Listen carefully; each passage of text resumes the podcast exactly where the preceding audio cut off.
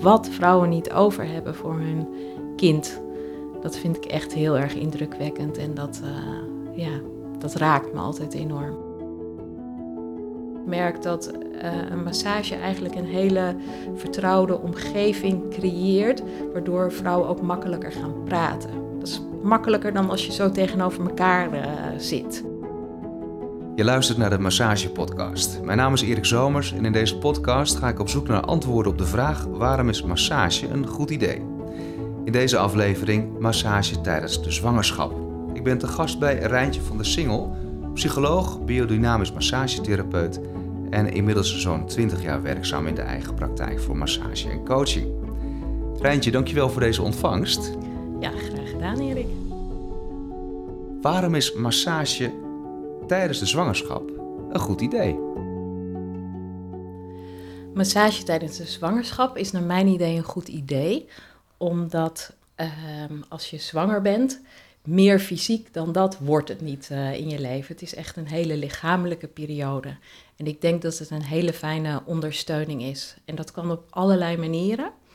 Uh, je hebt natuurlijk, als je zwanger bent, dan krijgt elke vrouw wel een aantal zwangerschapsklachten. En massage helpt het verminderen. Dan moet je denken aan uh, rugpijn, schouderpijn, vocht vasthouden, dat soort dingen. Maar om je even een concreet voorbeeld uh, te geven, weet je, dat maakt het wat uh, visueler voor mensen. Wat ik merk is dat vrouwen vaak slecht slapen aan het eind van de zwangerschap. Want het wordt allemaal zwaarder. Ze kunnen vaak s'nachts helemaal geen positie meer vinden. Hoe ze nou lekker kunnen slapen. En door te masseren en die klachten te verminderen, kunnen ze s'nachts gewoon weer houdingen vinden en beter slapen. En als ze beter slapen, dan gaan ze zich ook beter voelen. Want wat ook gebeurt s'nachts, als ze niet goed kunnen slapen, is dat die molen in het hoofd aangaat. Van uh, dingen waar ze zich zorgen over maken. En die s'nachts zien die er altijd groter uit dan overdag. Dus weet je, zo kan massage gewoon een hele goede ondersteuning zijn in, in uh, klachten. En daarnaast is uh, uh, de zwangerschap vaak een hele drukke periode voor vrouwen. Er verandert natuurlijk, gaat gewoon heel veel veranderen in hun leven. En vaak wordt er nog bij verhuisd, verbouwd, getrouwd, andere baan, dat soort dingen. Dus als je dan voor jezelf massagesessies plant, dan plan je ook rust in voor jezelf en tijd voor jezelf. En tijd om je bewust te zijn van je zwangerschap. Uh, en vaak gaan vrouwen ook naar een, een, een cursus, uh, zeg maar. Maar uh, zeker bij een tweede of nog een volgend kind doen vrouwen niet altijd meer een cursus. En dan geeft uh, die sessies bij mij, geven ze bepaalde punten van dat ze bewust met hun zwangerschap bezig zijn. Dat hoor ik ook vaak van als ik ex-cliënten tegenkom op straat.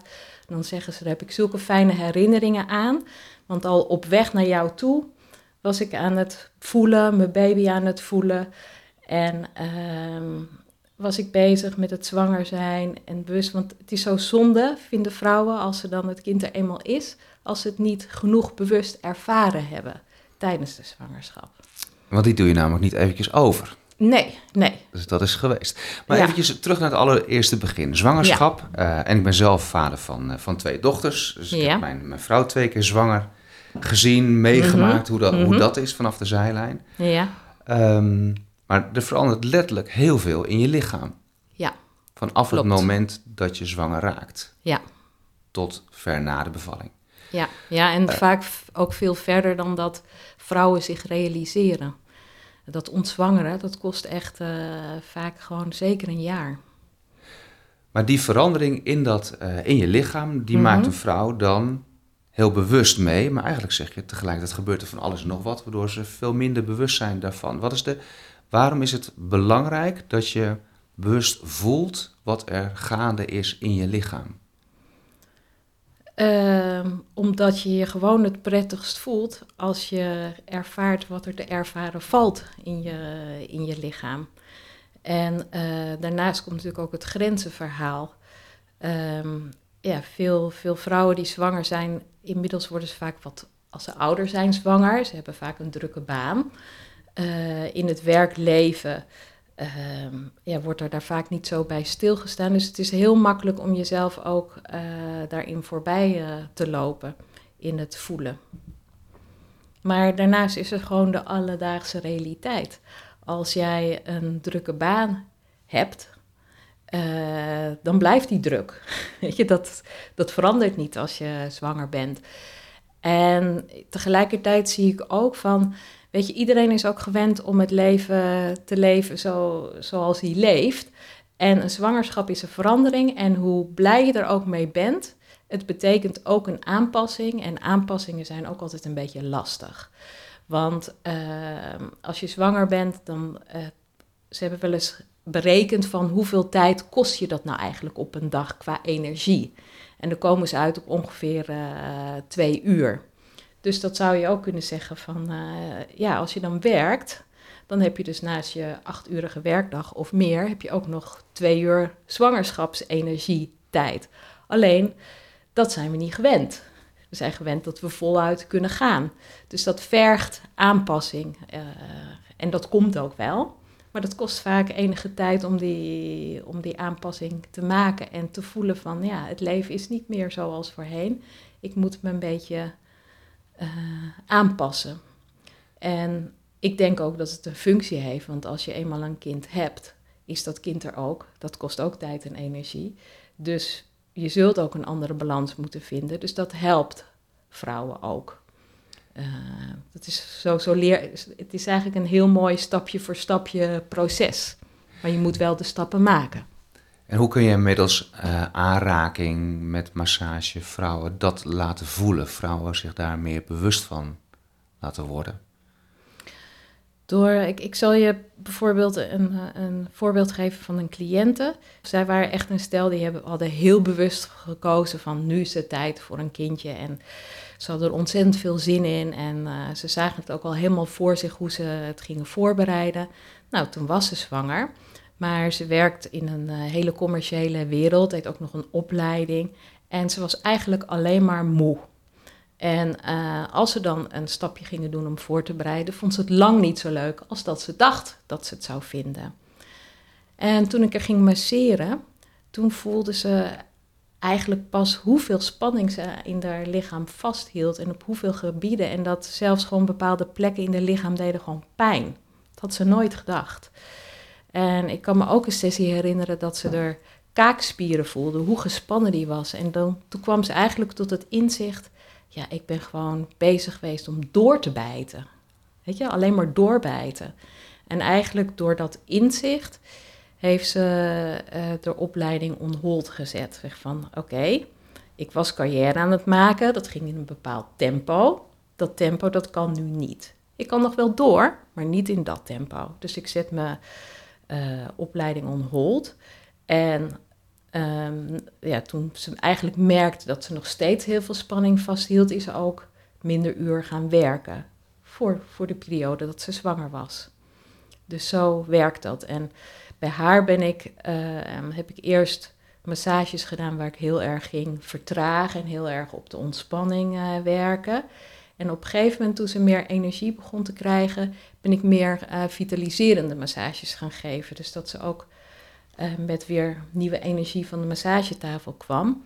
En toen hebben we eigenlijk ook nog een ander stukje aangepakt, want ze wilde eigenlijk ook heel graag haar relatie met haar ouders uh, verbeteren, die niet zo goed was. Want ze dacht, ja, die worden opa en oma. En ik wil toch wel heel graag dat ze betrokken zijn. En ze hadden eigenlijk niet veel contact. En nou, ze had nooit kunnen denken dat ze daar nog aan toe zou kunnen komen in de zwangerschap toen ze zo moe was.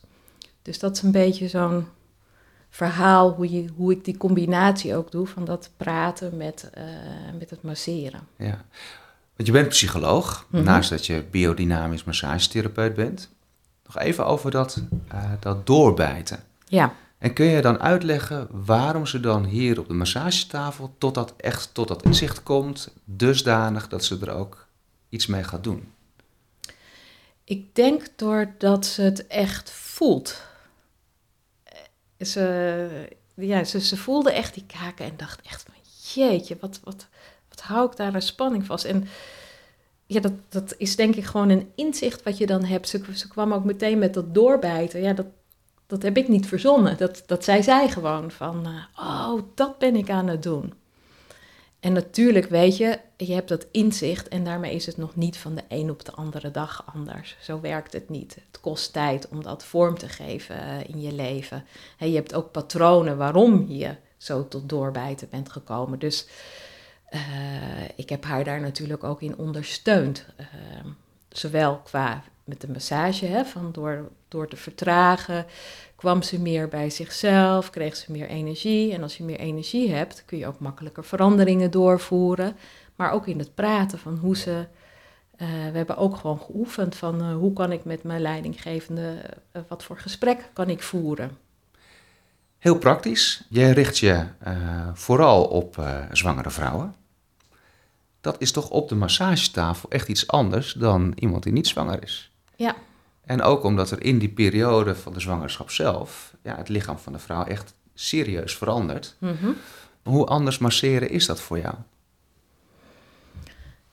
Ik denk uh, dat het masseren zelf niet zo anders is dan bij, bij anderen, want ik masseer ook uh, andere mensen.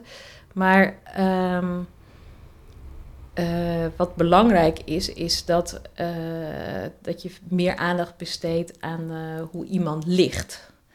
Um, en dat daar flexibiliteit in is. Dus um, het is belangrijk, want iemand kan pas ontspannen als hij goed ligt. Als hij ergens last van heeft, dan gaat hij niet ontspannen. Dus eigenlijk check ik meer dan dat ik bij andere uh, massage geef van hoe het ervoor staat en of dingen anders moeten. Uh, en dat is echt samen zoeken, zeg maar. En vaak hebben vrouwen ook thuis al een methode van s'nachts, hoe ze het doen. Er zijn vrouwen die bij me komen die weten dat ik een tafel met een gat heb. En die zeggen van, ik lag altijd zo lekker op mijn buik en dat kan ik nu. En ik wil gewoon dat weer even ervaren. Dan doen we dat. Maar andere vrouwen die liggen gewoon liever op hun zijde.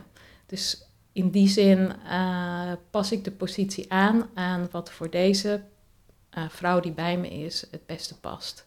En dat geldt ook voor de massage. Natuurlijk, het lichaam voelt anders. Uh, vrouwen houden meer vocht vast. En nek, schouders en rug die zijn echt veel gespanner dan niet zelfs gespannen mensen die niet zwanger zijn. Dat is nog niks vergeleken bij zwangeren en uh, uh, als je die masseert. Ja, is dat maar, zo? Ja? ja, dat is zo. Dat is zo. Ja. Ja. ja, het is echt een hele belasting voor je lichaam dat zwanger, uh, zwanger zijn. Dat voel je echt. Dat, de zwaar, omdat natuurlijk die buik groeit, komt er gewoon veel druk te liggen op schouders en nek en op de onderrug. Ook natuurlijk omdat dat bekken soepeler moet worden. Ja, dat voel je echt.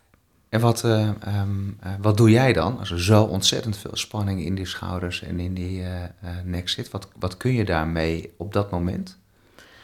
Um, ik blijf er langer dan dat als iemand minder spanning daar heeft. Dus ik ga gewoon net zo lang daar masseren tot ik voel dat, het, dat er ontspanning komt. En dat kan niet altijd in één keer, maar in drie keer kan dat meestal wel. Dus dat zeg ik ook als ik voel van, uh, nou, dit, dat kan ik niet in één keer oplossen. Want ook als je te ver, te lang uh, blijft hangen terwijl er eigenlijk spanning is, dan kan iemand juist bijvoorbeeld met de nek hoofdpijn krijgen, omdat je te veel hebt losgemaakt, uh, zeg maar. Dat werkt ook niet. Dus daar moet je een soort van evenwicht in vinden.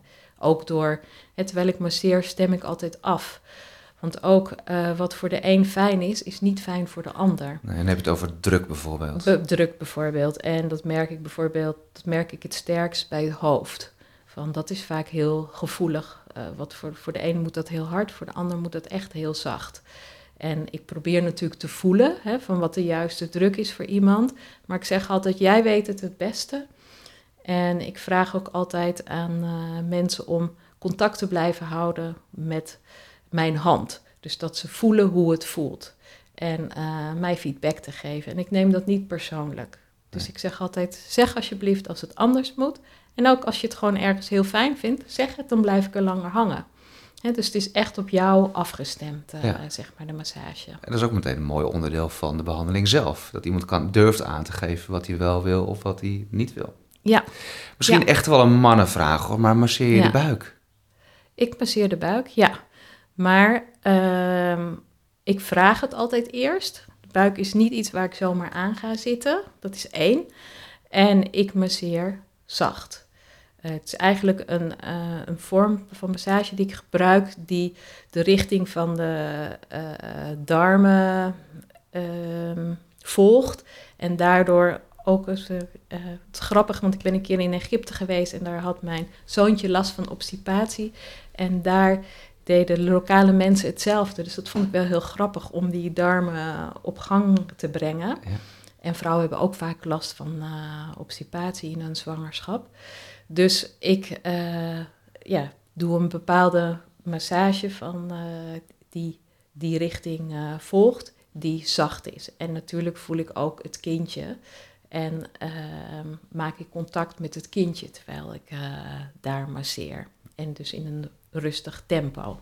En ik merk ook vaak dat, uh, dat het kindje dan reageert als ik, uh, als ik daar masseer. Sowieso merk ik dat vaak uh, baby's meer gaan bewegen als een vrouw kan ontspannen. Want als ze ontspannen is, dan komt er meer ruimte in die buik en dan krijgt de baby meer de gelegenheid om te bewegen. Dus, en ja. dat ervaart de moeder dan natuurlijk ook. Dat ervaart de moeder ook. Ja, en dan heeft zij ook contact met haar kindje. Ja, op een andere manier. Ja. ja, of op eenzelfde manier. Alle twee, denk ik. Ja. Soms op een andere manier, soms is het gewoon even dat, een contactmoment. Zoals ze dat op andere momenten ook heeft. Um, en de voeten, voetreflexologie, pas je dat toe mm -hmm. tijdens de zwangerschap? Ik heb wel eens gehoord dat je dat op een gegeven moment aan het einde van de zwangerschap niet meer doet.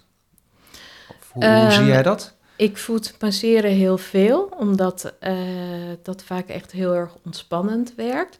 Je moet weten welke punten je niet mag aanraken. En dat zijn maar een paar punten. En uh, ik denk nog niet dat je zomaar uh, de bevalling op gang brengt als je daar overheen gaat en daar niet heel erg op blijft. dingen, want dat doe ik natuurlijk sowieso niet in de massage. Maar voor de veiligheid blijf ik daar van af. Dan bijvoorbeeld die, bij het bekkengebied. Ja, wat, uh, wat correspondeert met het bekkengebied. Ja. ja. Nou is er een enorm groot aanbod hè, voor zwangere moeders. Ja. Als het gaat om ontspanning, uh, aandacht voor jezelf, uh, de noodzakelijke zwangerschapszorg, zwangerschapsyoga, zwangerschapsgym, zwangerschapszwemmen, zwangerschapscursus, zwangerschapsfysio en dan ook zwangerschapsmassage. Ja. Waar in dat hele spectrum van, noem het maar, fun, ontspanning, entertainment, wellness naar echt uh, zwangerschapszorg. Waar zit de zwangerschapsmassage? Ik denk dat die uh, nou, niet echt op entertainment en fun zit, zeg maar. maar wel voor verschillende vrouwen op verschillende gebieden. Er zijn vrouwen die hier komen van, nou, ik wil gewoon me lekker in mijn vel voelen. Ik kom voor een massage en dat is het. En anderen die zeggen dat ze komen om te ontspannen. En dat is ook zo, maar dat komt dat ze willen ontspannen omdat ze eigenlijk zorgen hebben.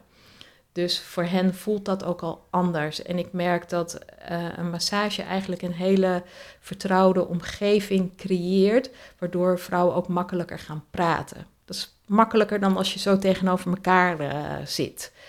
Uh, dus als ik bezig ben met het masseren en vrouwen hebben zorgen die ze eigenlijk van tevoren niet gezegd hebben dat ze die hebben, dan komen ze er vaak mee. En uh, dan is dat een hele fijne situatie om het over, uh, over dingen te hebben. Omdat, uh, zeker als je een eerste kindje krijgt, dan eh, heb je gewoon heel veel vragen en maak je ook altijd wel over iets zorgen. Ja, misschien bij de tweede ook wel. Bij de tweede ook wel. Hoe is de samenwerking met andere zorgprofessionals als de, de zwangerschap betreft? Ik uh, vind het heel belangrijk om samen te werken en ik vind het heel leuk om uh, samen te werken.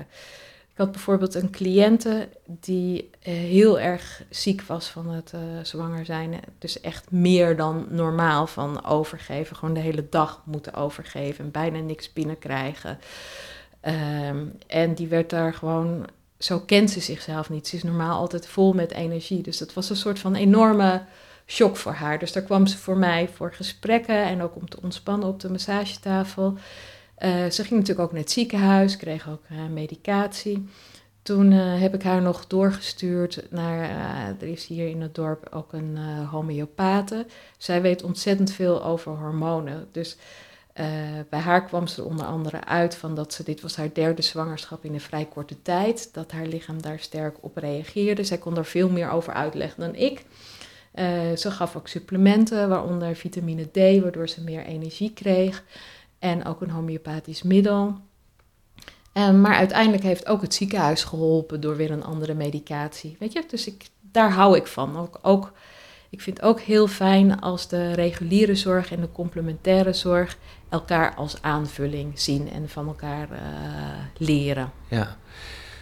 Misschien wel een heel voor de hand liggende, denk ik dan, is uh, samenwerking met uh, fysiotherapeuten als het gaat om bekkeninstabiliteit. Ja. Of aanstaande bekkeninstabiliteit. Ja, ik heb twee keer een bekkenfysio, uh, drie keer zelfs een bekkenfysio op bezoek gehad. En die hebben mij gewoon veel meer uitgelegd, waardoor ik veel meer de signalen oppik van um, mensen schamen zich vaak voor bepaalde onderwerpen. Dus um, Bijvoorbeeld uh, dat ze ook ontlasting verliezen.